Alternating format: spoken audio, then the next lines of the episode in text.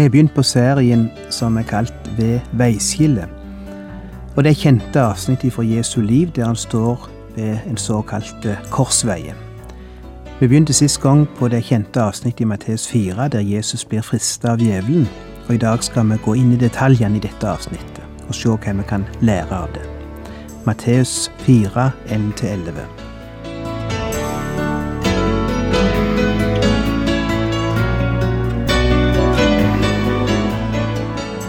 Hjertelig velkommen til et nytt program i serien Vindu mot livet. Vindu mot livet er basert på programserien Insight for Living ved Chuck Svindal. Programmet er produsert av Kristen Riksradio og blir ledet av Ola Bjoland.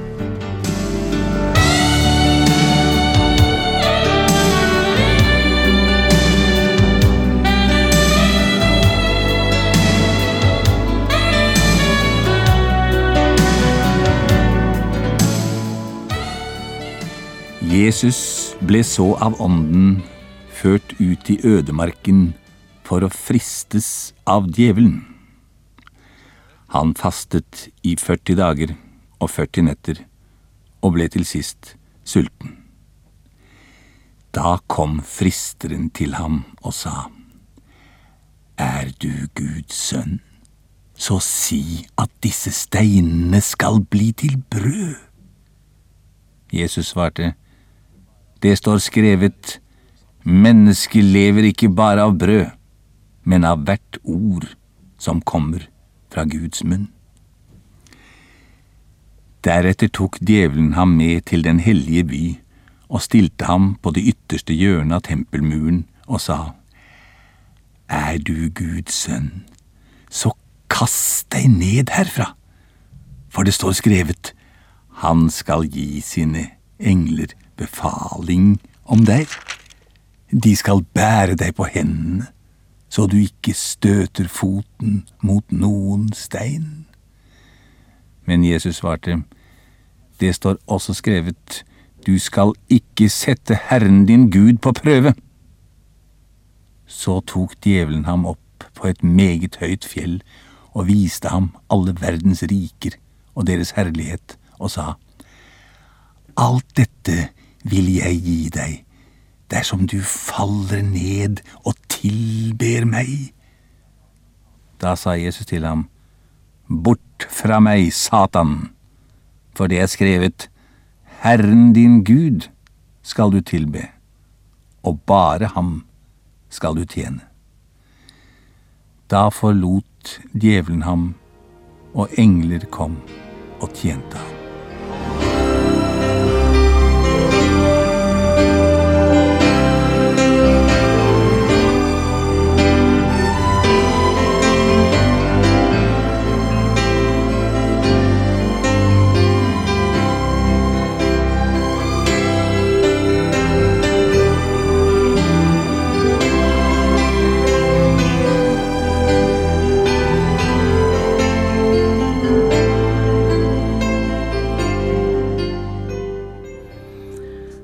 Det siste vi hører før, vi, før det vi leser om i dag, det siste altså som står i det forutgående kapittel, i slutten av kapittel tre, er de veldige ord. Dette er min sønn, den elskede, som jeg har behag i. Det er Gud som sier det, etter at Jesus er steget opp av vannet der Johannes er døypt han. Det er en merkelig opplevelse. Og straks etter dette store er skjedd, så blir han ført inn i en situasjon der djevelen kommer og frister han. Prøver å utnytte eller øyelegge eller ta ifra han det han har fått. Utnytte er kanskje det rette ordet. Han utnytter situasjonen, og han tar nettopp utgangspunkt i det som er skjedd, og de ordene Gud nettopp har uttalt om Jesus. Først utnytter han forresten den svakhet Jesus opplever nå. Han har som nevnt nettopp fasta i 40 døgn, og da er han trøtt og sulten, sjølsagt. Og ingenting er så fristende som mat når du er sulten eller når du er utsulta. Og den svakheten utnytter djevelen sjå Jesus nå. Og slik er det alltid. Den vonde prøver å utnytte våre svakheter. Du kan være sikker på at hvis du har en svakhet, eller opplever en situasjon der du er svak, så vil djevelen prøve å utnytte den. Enhver fiende vil prøve å sette inn der, du, der vi har vårt svake punkt.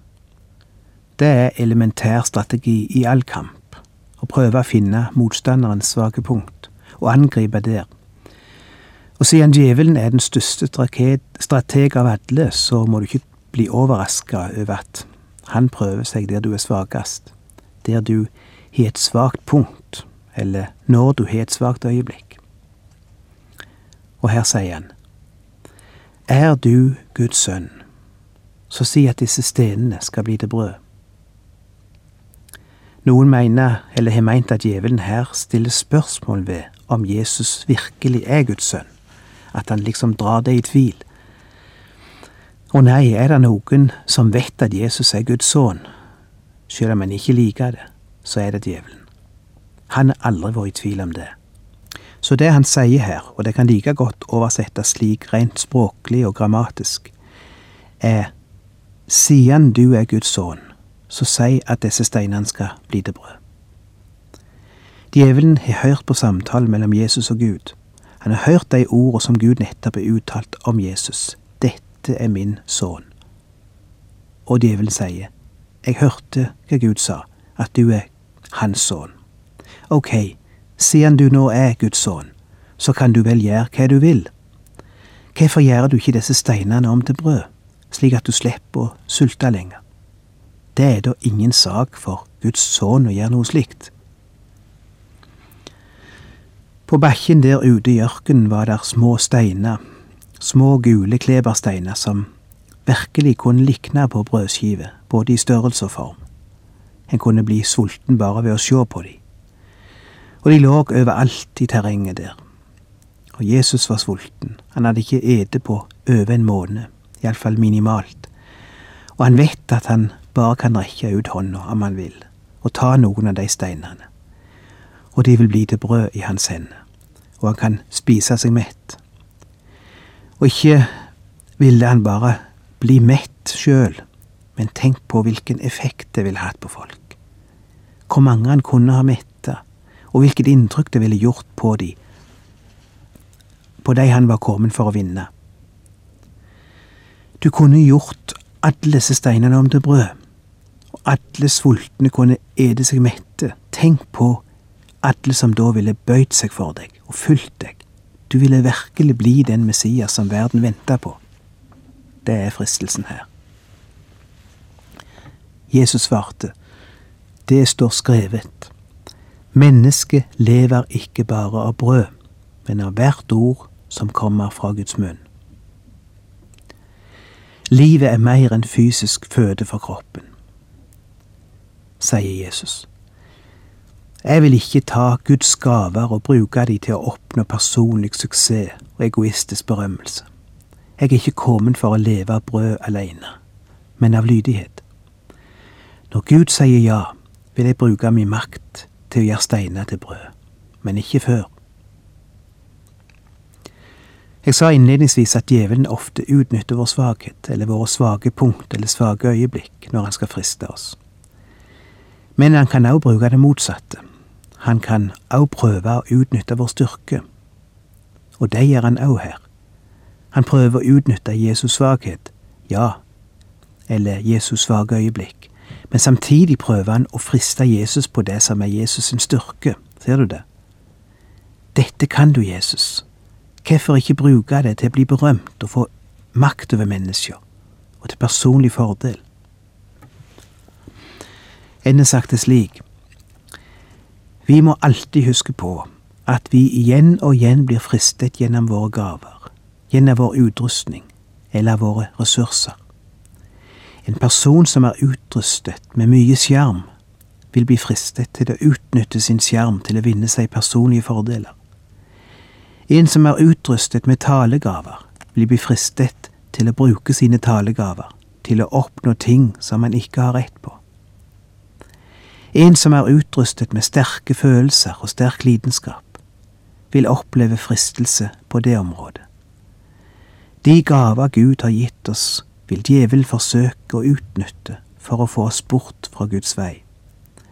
Han vil friste oss til å bruke våre, våre gaver på oss selv i stedet for på andre, for å bli mester i stedet for å være tjener. Ikke bare der vi er svake, men kanskje enda mer der vi er sterke, må vi passe oss så ikke den styrken blir vår fristelse. Hvor sant det er. Mange av oss er utrusta med gaver, ikke til å forandre steiner til brød, men å omskape ord til bilde, for eksempel, for å snakke litt poetisk. Evne til å overtale, evne til å billedgjøre sannheter eller ord slik at de overbeviser. Og ikke langt ifra denne gaven ligger evnen til å selge, enten det er et materielt produkt eller det er en sannhet eller et budskap. Det kan være en gave Gud kan bruke til stor velsignelse for mennesker, men det kan også være en fristelse til å selge seg sjøl, til å lede mennesket mer enn du er rett til, eller lede det i en retning du ikke er rett til. Å, her er vi inne på ømme ting. Her er det mye grums som burde vært renska opp i, både når det gjelder folk med lederstillinger både i, i og utenfor kristen sammenheng, og når det gjelder forkynnere, og ikke minst når det gjelder ledere av familier, når det gjelder foreldre. For ikke snakke om voksne mennesker som bruker sin skjerm og sine talegaver til å forlede og forføre små barn. Men alt det kan vi ikke komme inn på i dag. Vi må videre i denne historien. Jesus står imot i første runde, eller skal vi si vinner første runde. Jesus svarte, det står skrevet, mennesket lever ikke bare av brød, men av hvert ord som kommer fra Guds munn. Det er et direkte sitat fra Det gamle stamentet, fra femte Mosebok kapittel åtte. Det er Guds ord han siterer, og djevelen kjenner det. Han òg har hørt det ordet men han er meget utholdende når det gjelder å friste folk, så han resonnerer som så. Ok, siterer du Guds ord, så skal jeg òg sitere Guds ord. Jeg òg kan sitere bibelvers. Og så siterer han ett sjøl. La oss høre hva som skjer. Deretter tok djevelen ham med til den hellige by og stilte han på den ytterste hjørnet av tempelmuren og sa, Er du Guds sønn, så kast deg ned herfra for det står skrevet, Han skal gi sine engler befaling om deg. De skal bære deg på hendene så du ikke støter foten mot noen stein. Men Jesus svarte, det står også skrevet, du skal ikke sette Herren din Gud på prøve. Siden du har begynt å sitere bibelvers, sier djevelen, la oss sitere ett til. Her er et vers og han siterer fra Salme 91. Og jeg slo opp det verset, det er vers 11 i Salme 91, og der står det slik. For han skal gi sine engler befaling om å bevare deg på alle dine veier. De skal bære deg på hendene, så du ikke støter foten mot noen stein. Vet ikke om du la merke til at det sto mer, det sto noe mer der i Salme 91 enn det djevelen siterte. Han skal bevare deg på alle dine veier, står der, eller som noen oversett, på alle hans veier, altså på alle Guds veier. Det vil si, så lenge du går på hans veier, så skal han bevare deg. Men det løftet gjelder ikke i det øyeblikk du går dine egne veier, og ikke gjør det Gud har bedt deg om. Du tar saken i egne hender og finner på ting som ikke er Guds vilje. For eksempel i dette tilfellet ville, ville det ikke være i samsvar med Guds vilje å hoppe utenfor tempelmuren og be englene komme og berge seg. Løftet om å bli båret og berga gjelder ikke når en handler i ulydighet. Men den delen av verset siterer ikke djevelen. Han utelater det.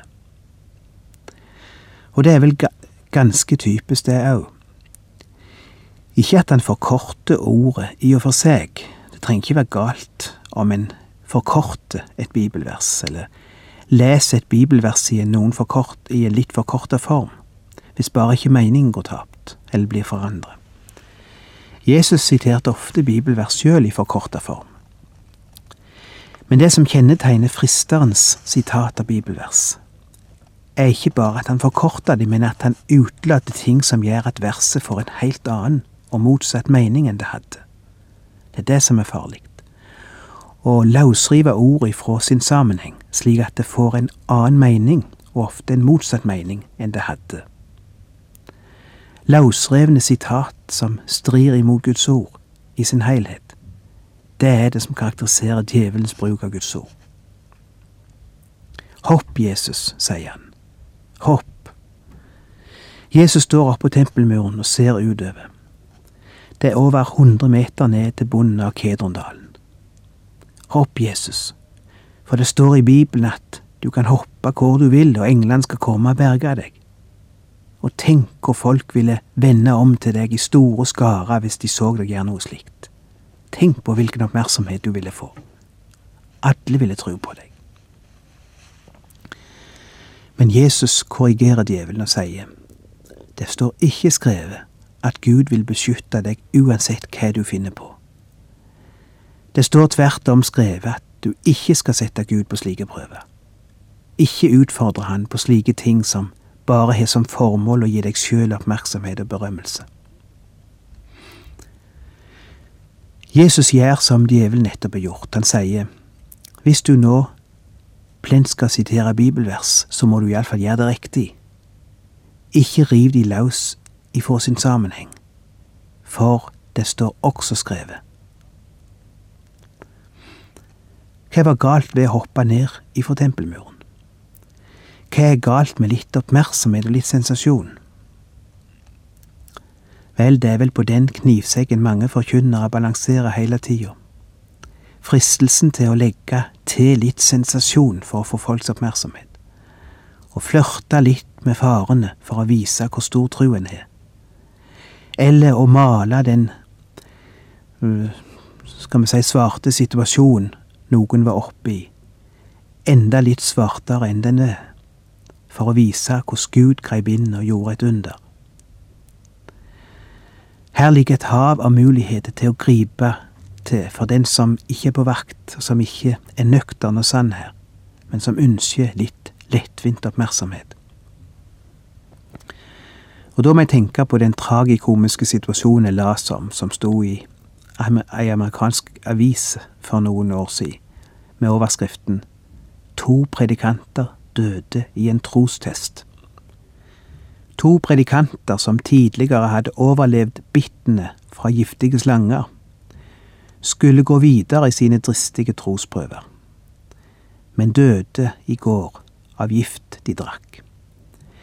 Noen observatører kan fortelle at det var klapperslanger og andre giftige slanger til stede under de halsbrekkende forsøkene som skjedde på dette spesielle møtet i denne sekten lørdag kveld. Etter at de hadde kommet seg gjennom forsøkene med de giftige slangene, satte de altså til livs hver sin kopp med gift, og døde rett etterpå. Jeg må tenke på slike ting når jeg leser hva Jesus sier her. Du skal ikke sette Gud på prøve. Du skal ikke gjøre dristige ting bare for å prøve Gud, liksom. Liksom forlange at Gud skal stille opp i alle de dumme eksperimentene du arrangerer. Jeg tror vi skal være litt på vakt her. Vi er så lett for å finne på ting. Dra Gud inn i ting som han ikke har noen ting med å gjøre, hadde Messe sagt. Mens vi på den andre sida heller han utenfor ting som han gjerne skulle ha hatt med å gjøre, og gjerne skulle ha sluppet inn i. Jeg tenker på en situasjon jeg sjøl var oppe i en gang. Jeg hadde litt problemer med ryggen, hadde litt smerte i ryggen, og jeg visste hva det kom av. Jeg visste at det skyldtes at jeg belasta ryggen feil, og lufta feil, og at, jeg ikke, og at jeg i det hele tatt ikke passet på den. Jeg visste at med litt, aldri så lite trening, og med en bitte litt annen livsstil, så ville problemet forsvinne. For jeg hadde prøvd det før. Men jeg hadde ikke kommet så langt ennå at jeg hadde kommet i gang med de øvelsene som skulle til for å bli kvitt problemet. Så var jeg på et møte en kveld, Og noen kom bort til meg og spurte om de skulle be for ryggen min, at Gud måtte helbrede den. Og akkurat da følte jeg noe av dette, at du skal ikke friste Herren din Gud. For, for meg var det iallfall slik da. Du skal ikke be Gud løse ting som du sjøl burde ha løst, og kunne ha løst. Jeg visste at var det noe som burde gjøres, så var det justere bitte lite grann på min egen livsstil. Noe som ville vært sunt for meg på både dette og flere andre områder og måter. Da er det for lettvint å bare be Gud gripe inn og ta bort smerten, slik at du, kan, du skal slippe å bry deg sjøl om hvordan du lever. Iallfall følte jeg det slik sjøl. Jeg får ordne opp i de ting sjøl som jeg kan ordne opp i, og som er mitt ansvar å ordne opp i. Og så ber jeg Gud inn når jeg står overfor situasjoner jeg ikke sjøl kan gjøre noe med, der det trengs en Gud for å gjøre noe.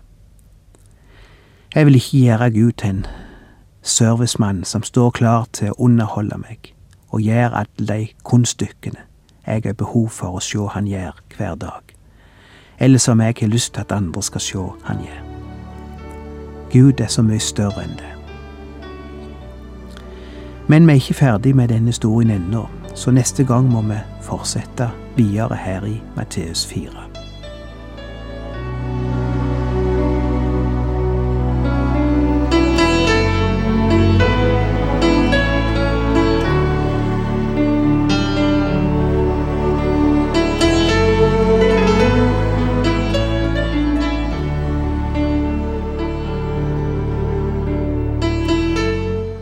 Du har lytta til Ola Bjoland i serien 'Vindu mot livet' fra Kristen Riksradios arkiv. Ola Bjoland var ansatt i Kristen Riksradio inntil han døde i 2002.